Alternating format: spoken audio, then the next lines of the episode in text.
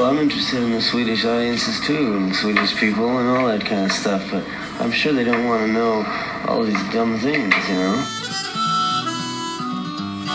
I believe that they know. They know. Don't you, don't you know the Swedish people? I mean, they don't have to be told. They don't have to be explained to.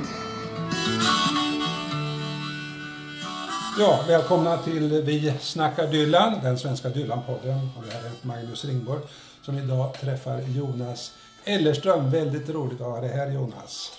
Tack Magnus. Jonas Ellerström är ju en man som dyker upp lite här och var i kulturlivet. Är det förlagsrelease av någon ny diktsamling, kanske till och med en egen, eller det är en kulturfråga på TV, eller det är pust, nej vad säger jag, postpunk konsert på Rönnells antikvariat.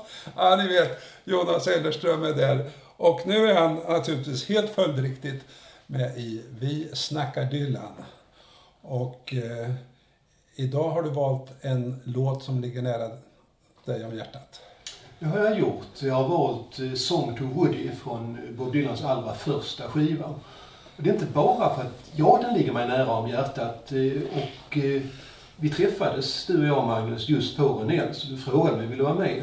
Och jag tror att jag inom 30 sekunder svarade att det var just den här låten jag ville prata om. Och det är ju för att då rinner helt plötsligt en massa minnen upp. Och eh, då minns jag då att, eh, vilket speciellt intryck den här låten gjorde på mig. Och det här också, det här ligger precis, precis i allra första början av mitt eget Dylan-lyssnande. Därför att, eh, nu ska jag dra ett stycke självbiografi här. Okej. Okay. Jag antar att du frågar många människor detta. Hur kom de i kontakt med Dylan? När fick man först höra någonting? Det första Dylan jag hörde, det enda jag hade gjort fram till dess var att jag hade lyssnat på, på Tio i topp på radion, den här skånska landsbygden. Jag hade nog så smått kanske börjat upptäcka den fantastiska Kjell Arlinges radioprogram. Som Vad hette det? Ja. Det var vid midnatt, eller hur? Ja, Någonting med Galaxen eller något sånt där. Hem, det, det här var tidigare, så det här var program som hette Hemma hos Janne och Kjell. Just det. Kjell Arling och Janne Forsell. Och det där var ju något helt annat. Det hördes ju om många saker som öppnade öronen och, och vidgade sinnena på den tiden. I alla fall, eh, det här var ute i skånska landsbygden, Lilla Svalöv. Det hände inte mycket där. Men min bästa kompis Lars Gran eh, hade nog lite bättre vibrerande näsvingar då än vad jag hade. För han köpte skivor snabbare än jag köpte. Vi hade ju inget ställe att köpa skivor. Vi fick åka in till Lund eller Landskrona fanns knappt möjlighet heller. I alla fall, Lasse hade eh, George Harrisons eh, Bangladesh-box. Tre LP-skivor, tror jag. Eh, och vi lånade ju skivor av varandra. Concert för Bangladesh heter den. Och den lånade jag och lyssnade mig eh, förvirrad genom Ravi Shankars inledning. Eh, Ravi Shankar förvirrar ju också publiken. De klappar efter att han och orkestern har stämt. Och Shankar påpekar ironiskt att ja, nu när jag tyckte så mycket om när vi stämde så får jag tycka om musik också. Det är vansinnigt roligt här på de här mötena mellan öst och väst.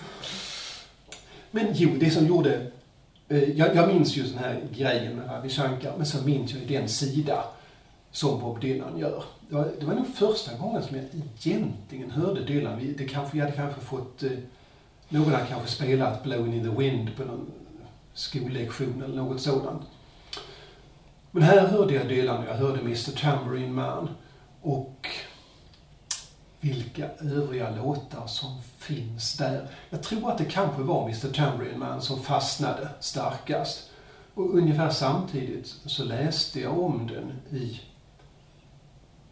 pocket, eller i alla fall mjukbandsutgåvan av Ulf Lundells Jack. Jack blev jag besviken på därför att den såldes som en generationsroman. Mm. Och jag, som alla kids, var ju, alltså, det handlar ju inte om min generation. Det handlar ju om generationer före, eller två generationer före. Och det gör det ju inte till mindre av en generationsroman, men man har de här orimliga kraven att det ska handla om mig. Och det gjorde det ju inte på något vis. Det gjorde inte Mr Tambourine Man och Bob Dylan heller. Men där fanns en både musikalisk och framförallt verbal magi som väl egentligen aldrig har släppt taget. Så det jag minns av Jack var också just det, att huvudpersonen där, Lundells språkrör, talar just om, om sällsynta, lyckliga, liksom viktlösa stunder som den där Mr Tambourine Man-känslan. Det var fint, tyckte jag. Så då åkte jag till Lund, till Glerups skivhandel och köpte Dylan-skivor. Jag fick ta dem en och en, eller möjligen två och två om jag hade lite mer pengar. Så jag kom sent till Dylan, men det hade ju då fördelen att jag kunde köpa Dylans skivor och lyssna på dem från början. Det där var jag lite nörd, jag ville liksom höra det eh, kronologiskt. Alltså är det då först den allra första skivan som jag lyssnar till. Och eh, jag tror kanske inte att jag var jätteimponerad av den. Det, det kan man ju inte bli efter att ha hört Mr Tambourine Man-versionen från Bangladesh-konserten. Men det var spännande nog. Men vad jag förstod, och vad jag framförallt förstod när jag sen lyssnade på The Freewheeling Bob Dylan, var ju att, att jag behövde läsa texterna också. Och de fanns ju inte. Eh, och det här var ändå liksom en tid, andra ambitiösa textförfattare som var samtida då, hade ju texthäften med. Och jag köpte eh, de här röda och blå Beatles samlingsskivorna. Och där fanns ju alla texterna på innerpåsarna. Mm. Men Dylan fanns inte. Och Dylan var ju svårare att höra vad han sjöng än vad Lennon McCartney Harrison var. Och dessutom så eh, talade han amerikanska. Eh, men då, närmaste riktiga stad i Skåne är ju alltid Köpenhamn. Och i Köpenhamn så köpte jag en av affärerna i de gamla hippiekvarteren ut med Ströget, eh, alltså Larsbjörnsträde, Skinnergade, eh, de gamla fula kvarteren i Köpenhamn. De var inte särskilt uppsnyggade då heller. Men där fanns skivaffären Superlove. Det hörs Superlove, det låter som... Ja, det, det, det, var ju alltså, det, och det, det var ju ingrodd haschrök där. Alltså det, det var ju en riktig gammal hippieaffär. Och, och jag klev in och tyckte att det var väl rätt fascinerande. Jag insåg att det här var det var redan lite nostalgi eller lite lite re, retrokänsla. Man sa inte retro ja, då, men, men det var fint ändå. Och de hade skivor, och de hade piratskivor också, vilket var jättespännande. Och de hade en hel del annat. Och där hittade jag den här boken. Bob Dylan Words to his Songs. En ren piratutgåva det också. Men väldigt snyggt och väldigt kärleksfullt gjord. Och eh, då kunde jag följa med på ett helt annat sätt. Och eh, då hade jag också innan dess, eller samtidigt ungefär, köpt Anthony Scadutos biografi, biografi över Dylan. Som var den första bok, den och det här Dylan-häftet, Words to his songs, var de första böcker jag läste på engelska. Så att, du, förstår, du förstår att intrycken sitter djupt. Men eh, innan jag berättar om, om just varför jag har valt eh, Song to Woody så vill jag gärna höra vad, vad du som, du har ju hört mycket, mycket mer Dylan än vad jag har gjort under längre tid. Ja, vad, men, vad, vad, vad, betyder den låten för dig och för Ja, alltså eh, så fort du hade sagt det där med att välja Song to Woody så väljer du upp i mig också. Mm. Och för mig var det då så att jag upptäckte Woody före Dylan då. På Stadsbiblioteket i Linköping så fanns det och jag vet inte hur jag hittade dem. Vi hade börjat lyssna på Ledbelly och sånt. Eh, bluesmusik, han var 13-14. Och så hade de Library of Congress Recordings där Alan Lomax intervjuar Woody Guthrie. Eh, tre hela LP som, som man fick låna gratis från biblioteket. Det var ju helt otroligt. Så de där satt man och lyssnade så kom Alan Lomax. Han hade lite ljusare så här, Well Woody, how was it down in Oklahoma? Well Alan, sa Woody. Och det är ju rätt konstigt, jag minns ju det här som det var igår. Well Alan, you know it was dusty, we, uh, it was poor och så vidare och så vidare. Och så spelar han då uh, Dust Bowl Talking Blues och sådana ja, saker. Ja, well, what did you people do then? What happened to your, your folks, your your relatives and neighbors and acquaintances and people like you all through that country? From Panhandle to Nebraska. Well, Alan, they uh, didn't know what to do. They sat around and talked there for weeks and weeks. Hated to give up what they'd worked there for for 50 years and been born and raised on and had their kids on, and their kids had been born and raised and married on and had their kids on this land. Så, så då kommer de minnena upp.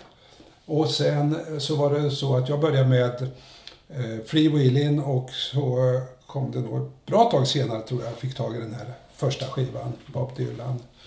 Eh, och, eh, och då hade jag också börjat försöka hitta litteratur och läsa och hela storyn om ungefär så ja. Det jag minns att jag noterade speciellt på första LPn. Eh, det stod i det här texthäftet och jag hade nog, jag kunde naturligtvis, men jag läste ju skivetiketten och så också. Eh, det var att det var två låtar som var Dylans egna. Och här syns väl kanske någon, någon jag tänker mig att, att de, de som var som höll på med folk music i USA och England. För de spelade ingen roll kanske vem som hade skrivit låten. Eller rätt sagt, det kanske till och med var mera värt att göra en trogen Mm. eller inlevelsefull version av en gammal sång. Och det har jag förstått i efterhand att det var viktigt också att kunna mycket sånger. Och att ha, ha om man kunde presentera en riktigt gammal låt som man dessutom helst hade lärt sig av någon, någon gammal gubbe eller högst eventuellt gumma på landsbygden så var det ännu mera cred på detta.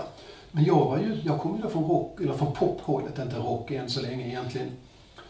Så för mig var det ju självklart att identifiera låten med artisten. Så att vad jag tittade efter var ju vilka, det var ju spe, speciellt betydelsefullt vilka låtar var Dylans egna. Och jag minns att jag gillade Talk in New York. Ja, fantastiskt. Där, därför att det var ju det första som jag hade hört. Och jag har tänkt på det sen, eh, alltså när hiphopen kommer. Alltså det här suget som det har. Att Peps Persson gör, gör någon, som- någon som man kallar för snackelåt. Mm. Och eh, just det här att, att, den mänskliga rösten kommer ju så mycket, mycket närmare i hiphopen eller i en talking blues. Jag tror det har lockelsen i att dels i att man känner att men det här skulle jag också kunna göra. Och eh, det är det som har lockat så många människor till rappen. Sen tror jag också att, att eh, när då rösten, alltså när, när låten snackas fram istället, att det blir, den, den kommer lyssnaren ännu lite närmare. Därför det, det, då är det plötsligt, finns liksom inte scen, salong, känslan. Det är inte någon som sjunger. Och för oss som inte kan sjunga så, så är det genast ett avstånd där. Och det implicerar att vi måste beundra. Snackelåten kom närmare. Men, eh, men, sen var, men, men av Talking New York så minns jag egentligen bara flödet och stämningen och det här det fräcka i att det var sagt, första låten jag hörde som inte sjöngs. Så då det Men får jag stanna upp Ja, vid. Talking New York där? För den är ju, det kommer det i rytmen, da, da, da, da, da, da, da, da, da, da, da, da, da, da, da, och så kommer det lite, lite korta, alltså får jag citera ur, för, för där ser man hur han, när han följer Woody. Eh, jag ska se här på, Woody han säger så här till exempel Talking Dust Bowl Blues, som det var den jag hörde och som jag minns.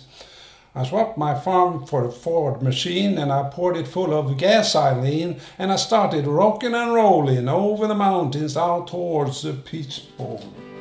The rain it quit and the wind got high and the black old dust storms filled the sky and I swapped my farm for a Ford machine and I filled it full of this gasoline and started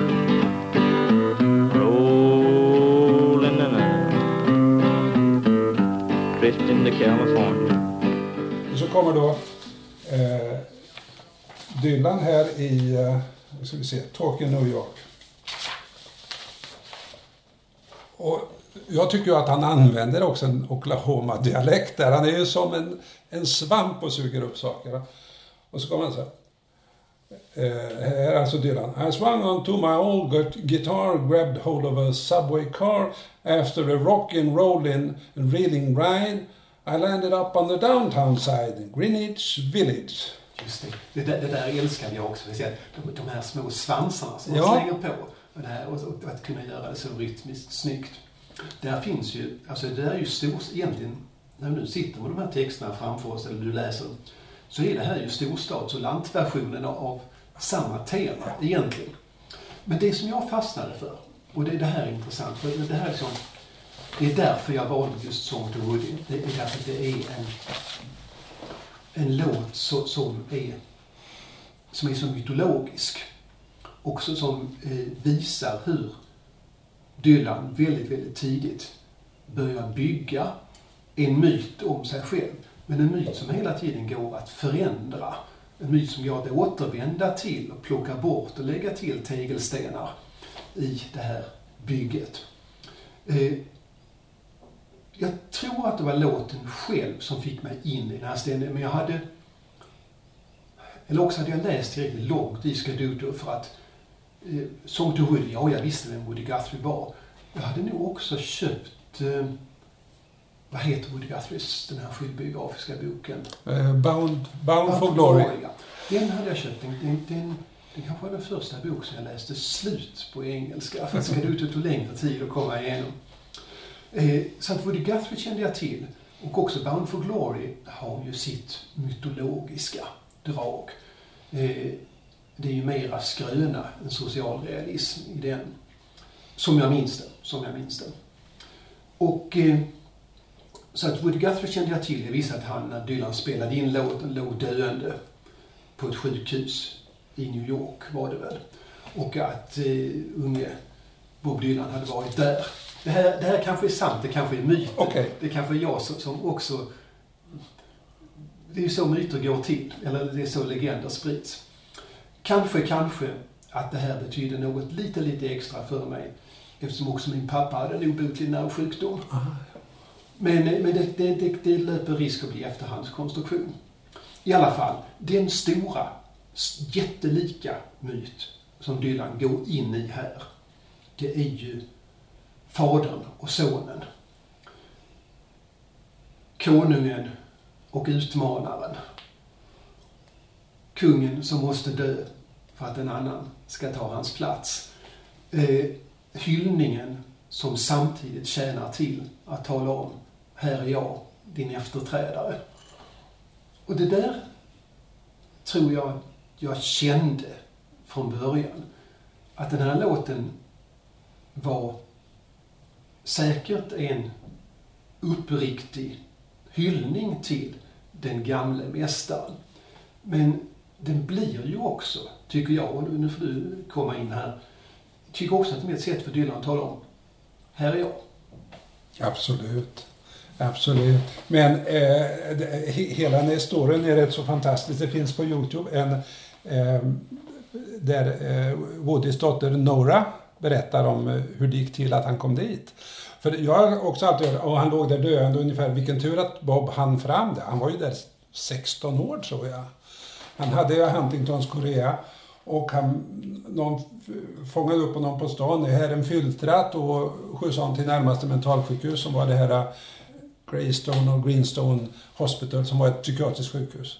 So the specific circumstances was one day he was found uh, hitchhiking in New Jersey and he was picked up for vagrancy by the police and said that he was drunk, etc.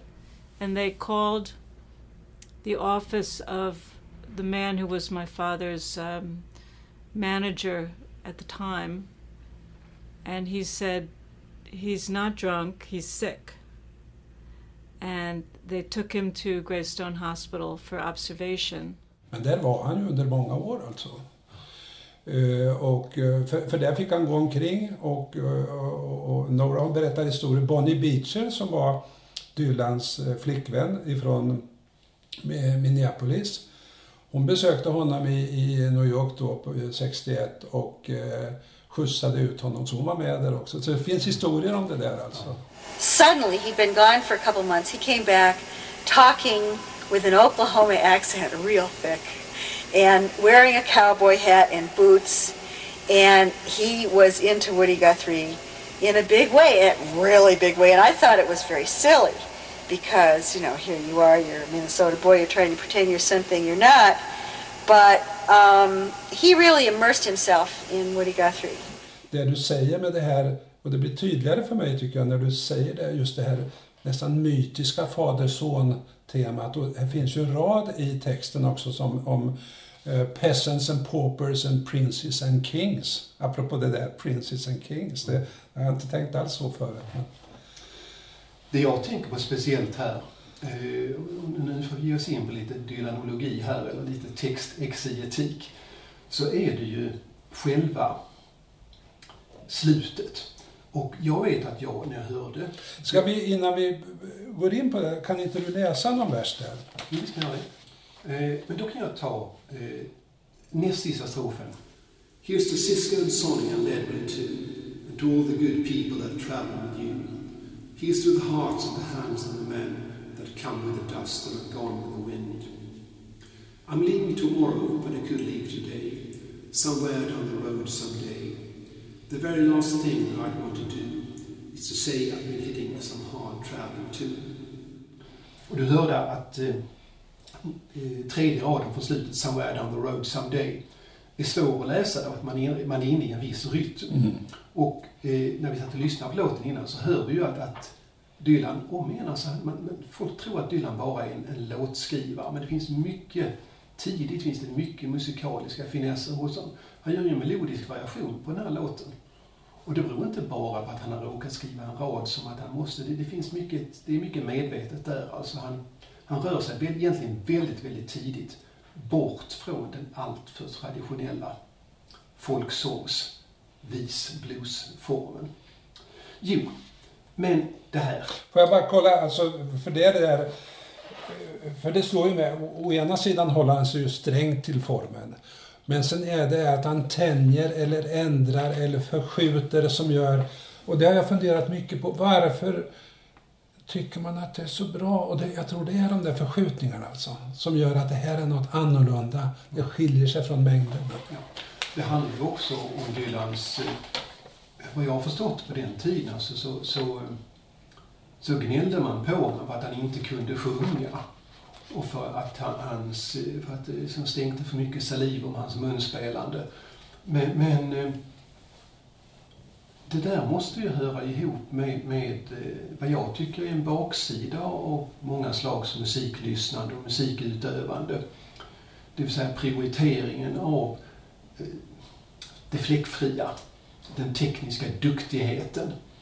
Eh, rätt snabbt blev jag ju punkare och det skulle liksom aldrig ha fallit mig in att, att ägna mig åt jazzrock.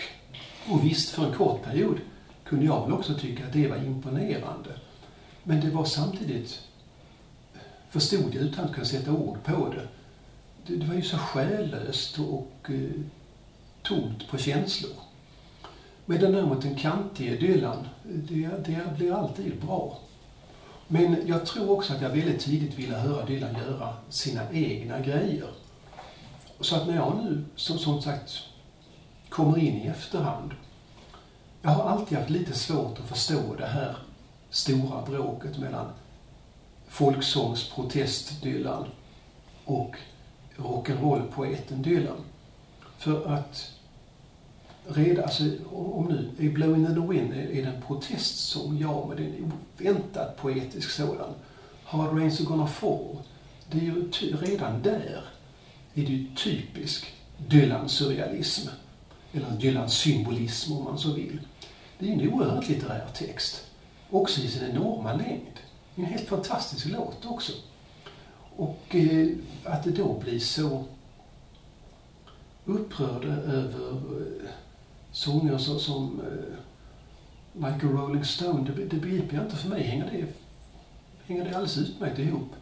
Och jag tycker också att, att Dylan som hela tiden har sträckt och prövat Eh, hade det inte varit rock så hade han, eh, hade han lyft in några jazzmusiker eller något sådant. Han, han hade aldrig stannat kvar i den formen och det hörs från början. Och så att jag kan inte heller se att brottet, för mig är ju hela skillnaden mellan, skillnaden ligger i intensiteten i uttrycket. Om gitarren är elektrifierad eller inte Ja visst, det är två skilda instrument men det är inte det avgörande i det här. Ah, sorry, Nej, men det finns mycket, mycket socialt grej. Jag minns ju när jag började läroverket, innan jag kom in på Dylan, så, så hörde man ju på jazz. Alltså går man på läroverk då har man kavaj och slips. Om du tänker 1960 alltså. Mm, mm. Som 13-åring. Wow. Och man lyssnar på jazzmusik. Wow. Och så, och så eh, träffade jag då en, en kompis som, som lyssnar på rockmusik. Han, jag känner, han är på fel skola. Alltså det var ju sådana sociala avstånd. Och så kan jag tänka mig Newport 1964 ungefär med de här puristerna med, med, med folkmusiken och det skulle vara på det här riktiga sättet. Verkligen hemvävt på något sätt. Va? Och så kommer då en elgitarr. Men hallå, vad är detta? Jag kan verkligen förstå dem där alltså, även om man, när man ser det i efterhand så verkar det absurt. Jo, jo men du, du har sett mig i radion vad jag har gjort så jag tror du har en annan, en annan känsla för vad det innebar. Men ska vi ägna oss åt lite exegetik här? Ja. Alltså, jo. Eh, jag misstänker att jag när jag läste sista strofen läste den som jag hörde den då. Alltså de två sista raderna. Som är ett sånt här klassiskt avslut. Alltså det, det, finns med som en envoi i en fransk ballad. Eh, och här säger eh, den unge Bob Dylan till den gamle Woody Guthrie. The very last thing that I want to do. Så hörde jag than ja. I want to do. Eh, alltså det sista han vill göra under det här mötet med Woody Guthrie, det sista han vill säga, is to say I've been hitting some hard traveling too. Nu, när jag liksom dök ner i, i minnen och texter inför det här inspelningen, så såg jag att också mitt lilla häfte eh, istället skriver The very last thing that I'd want to do. Alltså inte som jag vill göra, utan som jag skulle vilja göra. Eh, och då blir jag helt konfunderad. Och jag väljer att eh, hålla kvar vid min ursprungliga, eh, det sätt som jag hörde låten på. Därför att, och, och sen så gör jag då en, eh, en finess och säger att det här egentligen bara är ett stödljud. Men jag, jag fattar inte riktigt, hur ser du skillnaden här? Jo, alltså? alltså antingen så säger Bob Dylan till Woody Guthrie, det sista jag vill göra nu, innan jag lämnar dig, det är att tala om att jag minsann varit ute och rest själv ja, ja. också. Och det, det faller ju in precis i det här mytologiska mönstret. Fadershyllningen som också är ett fadersmord, eller en detronisering. Inte ett mord, men en detronisering. Men översätter man då texten som den här är skriven, och också, det måste medges som Dylan faktiskt sjunger den, så blir det då det sista jag skulle vilja göra är att berätta för dig att jag också har varit ute och rest. Och det är väl, det, det, det, det förstår jag inte i så fall för att tvärtom, vad de här raderna tjänar till, det är ju att, att sonen säger till fadern, jag har gått i dina fotspår jag hör också till, till de här good people. Inte, jag har visserligen inte rest med dig, men jag har, jag har tjuvåkt med samma godsvagnar.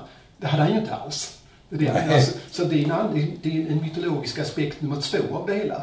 Hur, hur Dylan bygger upp bilden, eller en bild, av Bob Dylan.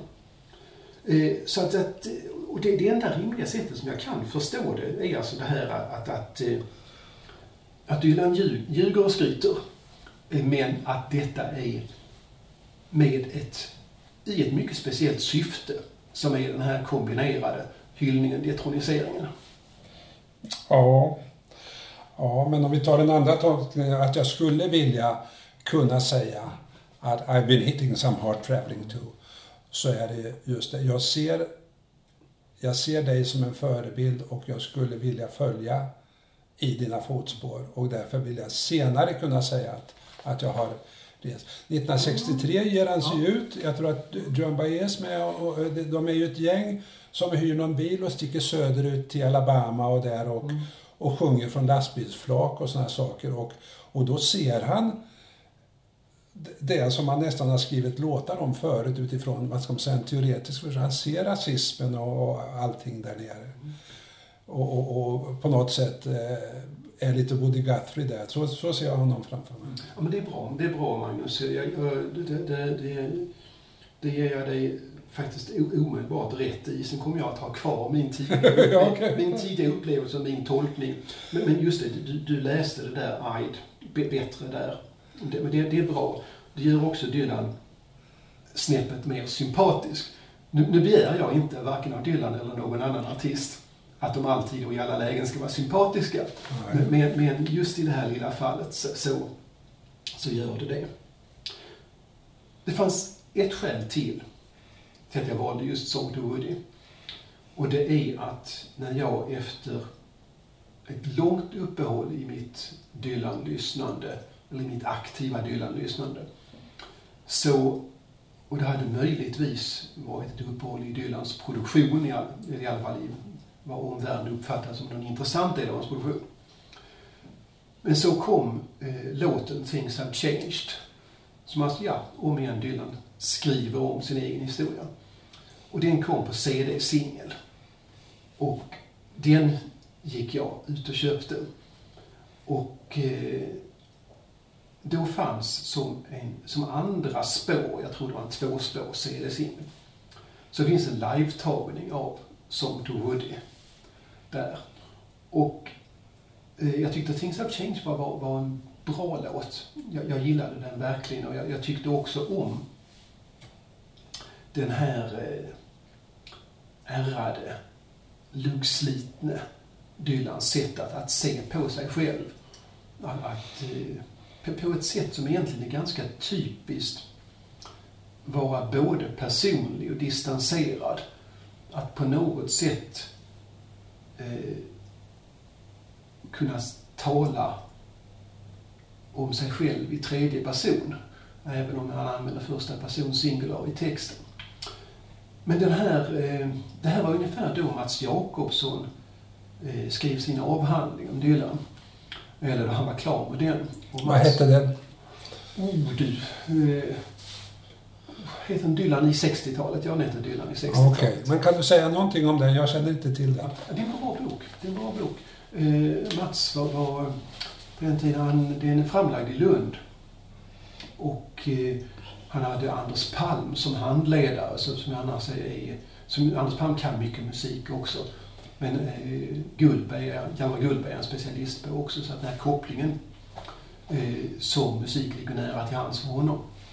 Och, eh, men, men Mats var nog tidigt ute med att skriva om, om rockpoesi på det sättet. Och eh, vi fick trycka, eh, det var då Ellerssons förlag som gav ut den. Vi fick trycka den i en andra upplaga och sen när Dylan fick Nobelpriset så gav vi ut den i pocket också. Det var en av få avhandlingar som har kommit i pocket. Men jag ska hitta ett ex åt dig, där, där, jag tror du skulle gilla den. Mm. Den har också ett fantastiskt omslagsfoto, det är från 65 tror jag. Och visar Dylan framför Kronborgs slott. Alltså, och i, i vet, klassiskt med hårbor och svarta solglasögon. Ja. Så det är ju verkligen den nu levande Hamlet som står Ja. nedanför. Apropå sonen och fadern där också, ja. Eh, och det där... Vi eh, vill, vill ju ha lite bilder i boken men insåg att det skulle bli fruktansvärt att köpa loss det här. Så vi skrev till det amerikanska arkivet. Det heter Michael Oaks. Eh, Michael Oaks Archive. Och eh, jag såg, såg det fanns massvis med bra bilder. Och vi sa någonting att jag ger ut den här svensk dissertation och, undrar vad, vad skulle det kosta att, att få en sån här bild. Och eh, Michael Oaks själv skriver tillbaka och säger jag förstår att det här inte är någon kommersiell publikation direkt. Ni kan ta vilka bilder ni vill. Wow. Det, och det, ja, utvikning nu igen, jag är bra på utvikningar. Eh, I alla fall, Mats och jag var ute och presenterade den här avhandlingen på olika ställen. Och eh, vi pratade om den på Bokmässan i Göteborg och på Akademiska föreningen i Lund och så där. Det var kul. Det var kul. Jag gillade Mats, och det var kul att uppträda med honom. Då brukade det bli så att Mats var ju textmannen. Så han pratade om texterna, han pratade just om symboliken i Dylans texter, om utvecklingen. Och jag pratade om hur Dylan eh, framförde sina texter och hur han agerade då på scen. Eh, jag tror att jag pratade liksom just om, om då hur Dylan går in i och nytolkar sina låtar.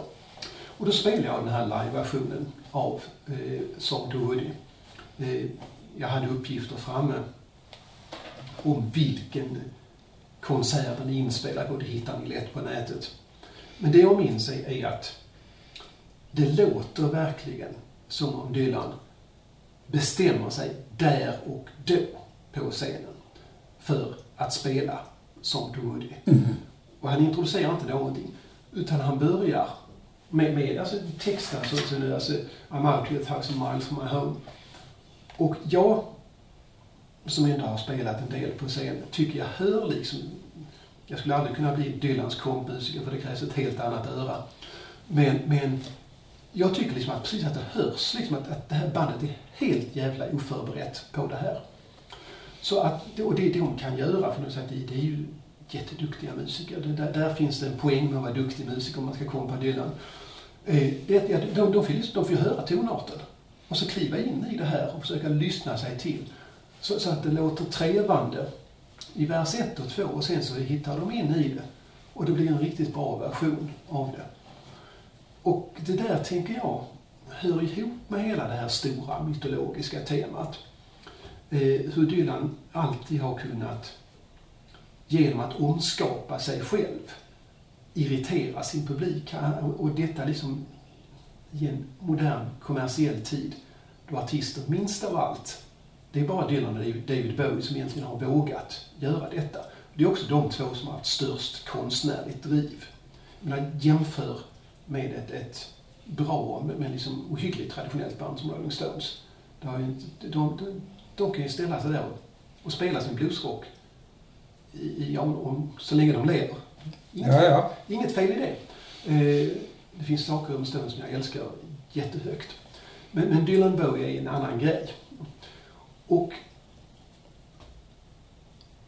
jag blev så förtjust i. Så varför just denna låt? Varför just denna låt som verkar höra hemma så, liksom, så långt i Dylans forntid som man överhuvudtaget kan tänka sig? Alltså, Det är ju verkligen precis själva början av det hela. Jag tror låten ligger som näst sist på debutskivan.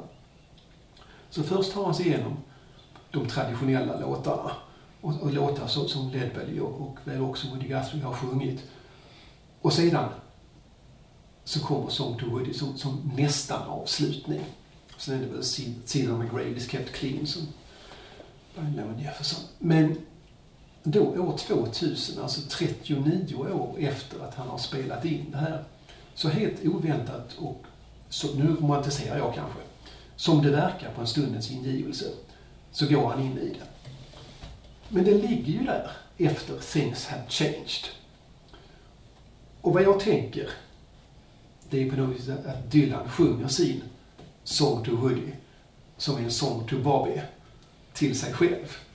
Han föreställer sig att... Nu blev det komplicerat. Ja. Nej, inte alls. Dy- Dylan agerar vad någon annan skulle kunna göra. Han går, han går ett steg före. Alltså han, så här, så här. Dylan är ju evig. Eh, verkar han tycka och, och tänka och, och det hoppas vi ju. Men, men visst kan någon kliva fram och göra en. Just David Bowie gjorde ju sin Song to Dylan. Eh, men jag tänker mig att låten just i ett läge när, när Dylan själv börjar känna sig så, som, som fiskarkungen. Mm. Eh, som den person som kanske frivilligt kliver av tronen.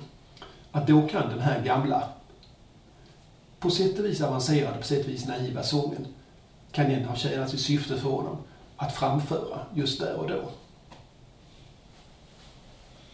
Ja. Ja. Men det är också så att things have changed. Alltså, vad är det fransmännen säger? Tout ça chance, tout la même chose. Alltså att, att saker och ting, han ändrar sig hela tiden, men det här finns kvar.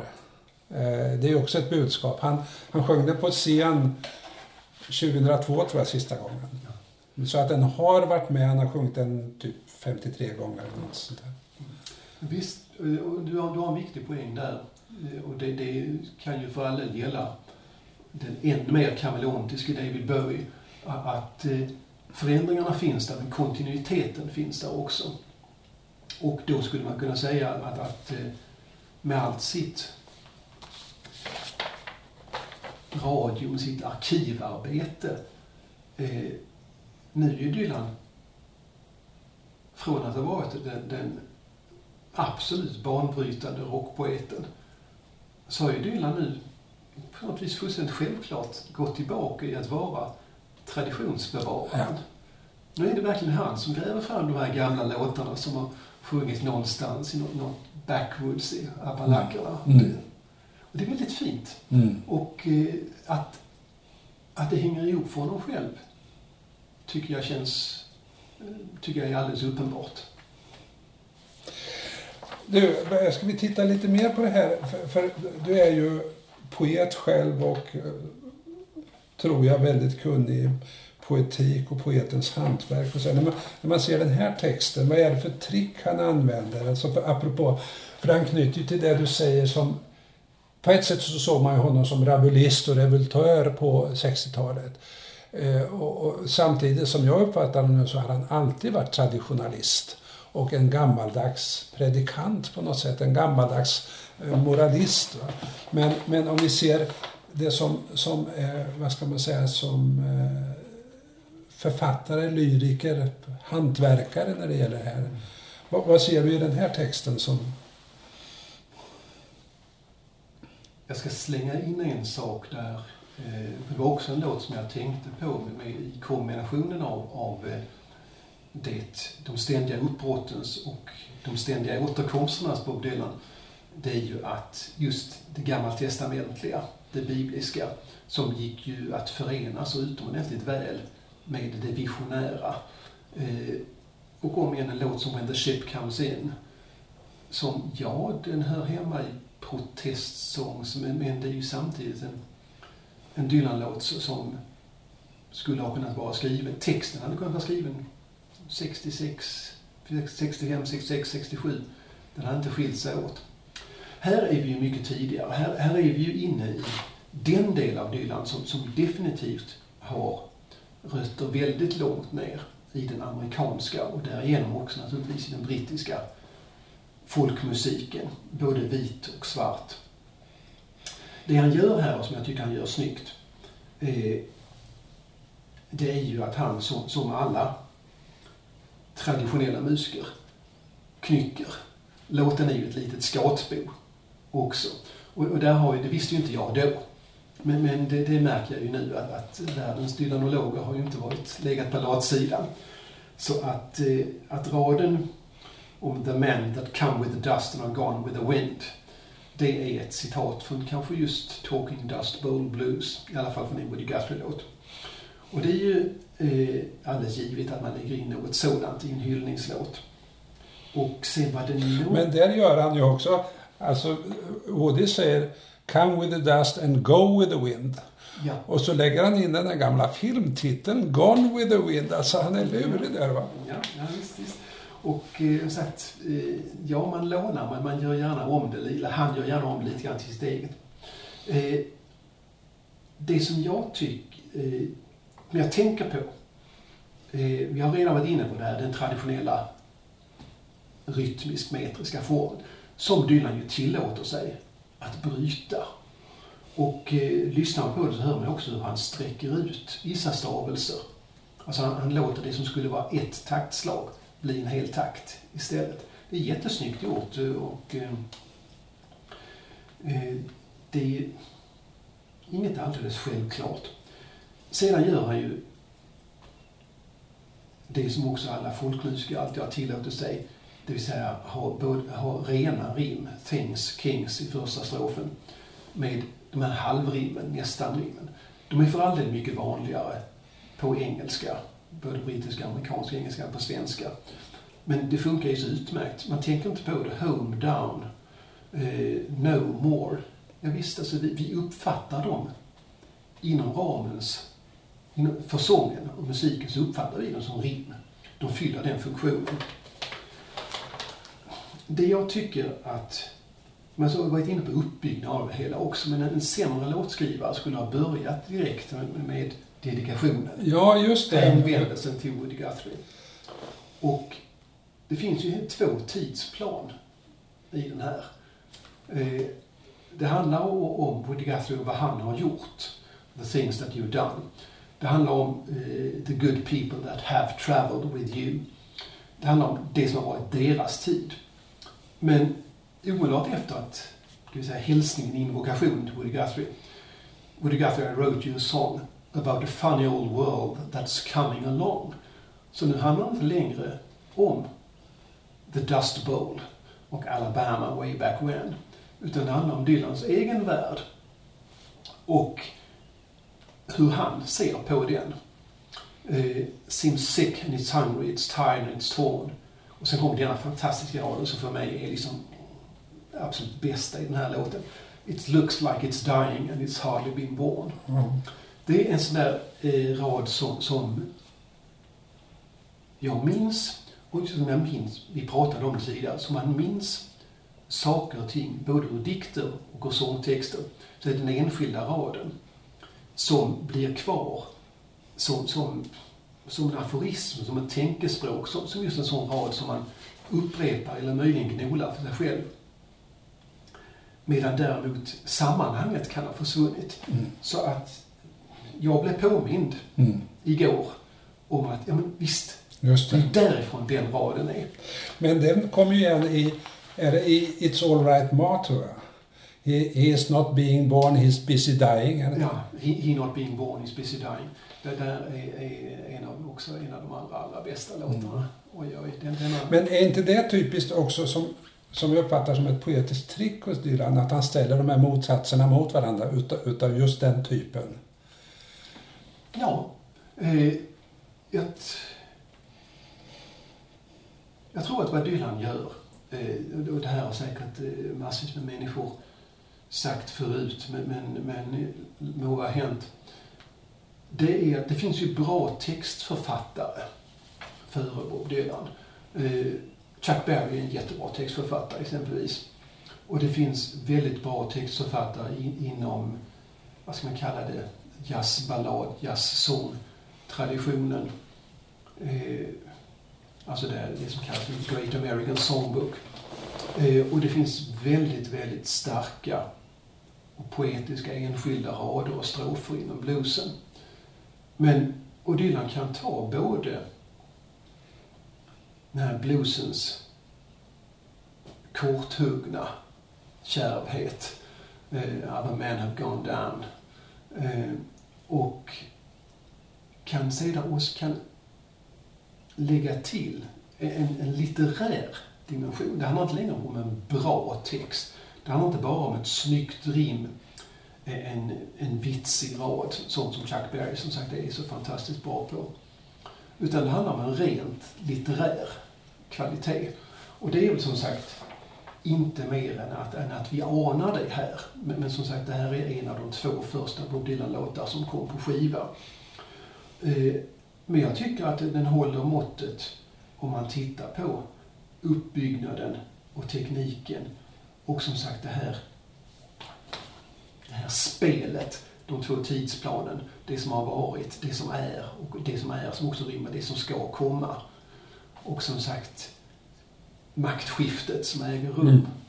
Vi talar dels i ett symboliskt mytologiskt plan här.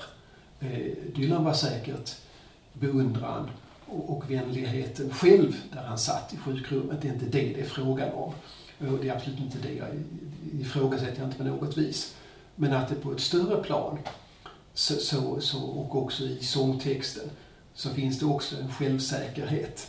Eh, Den säger inte riktigt maka på dig gamle man, men eh, den är, det är inte jättelångt därifrån. Nej. Och det tycker jag, det, det jag lägger absolut inget, inte heller det lägger jag någon moralisk aspekt på. Jag, jag tycker det är intressant. Och jag, tycker, jag tror att det är viktigt också för att förstå varför Dylan blev, eh, alltså verkligen blev den store förnyaren eh, av rock, eh, av sånglyriken, av populärmusikens texter. Den första riktiga rockpoeten. Då måste den här självsäkerheten till. Då måste den här känslan av att jag är här nu, det är jag som kan göra det här. Eh, Jo, men jag tänkte på mig själv som 20-åring. Dylan var ju 20 här 1961 när han besökte Woody. Man var ju rätt kaxig då. Man har väl lugnat ner sig sen dess, är det inte så? Ja, och det har, och, och jo, det har ju säkert Dylan också. Things have changed. Och eh, där tänker jag mig att, att, så därför tänker jag kanske snarare på, på Eh, den här bilden av eh, Dylan som, eh, en kung som kanske har vett att abdikera själv. Det är väldigt få kungar som, som har vett att göra det. Men någonstans i frågan om inte Dylan har, har avsiktligt lämnat allt vad, vad vi har känt som, som framförallt menar som topplistor, albumförsäljning. Eh, han har väl i, i, egentligen i gott och väl 15-20 års tid nu gjort absolut sin egen grej. Och så att, och det har inneburit ett återknytande till traditionen. Men också ett, en förlängning och ett fördjupande av den här poetiska, till och med visionära och till och med samhällskritiska rollen. Ja. Och, och den, vad ska man säga, lite den tidiga perioden överlägsna sarkastiska hållningen han hade framförallt i sina intervjuer, men också i väldigt många sånger ju. Mm. Den har man ju inte sett under 2000-talet utan det är ju en helt annan ödmjukhet och han lyfter fram sina föregångare nu på sista skivan när han lyfter fram The Eagles som har varit ett sånt där hånat, vad ska man säga, mjukpopband. Va? Va? Gillar Dylan The Eagles? Alltså det är väldigt intressant. Då måste vi också börja gilla Eagles. Men, nej, nej, min, min lojalitet med Dylan är inte, inte så stor. Eagles är liksom, det, det är anatemat. Det, det, det, det går inte. Ja, ja, ja. Då har vi knutit ihop säcken, ja. Jonas. Tack ska du ha för den här fantastiska intervjun. Tack, tack själv Magnus. Ja. Jag har pratat alldeles för mycket, men det får dina lyssnare tåla. Ja, visst alltså.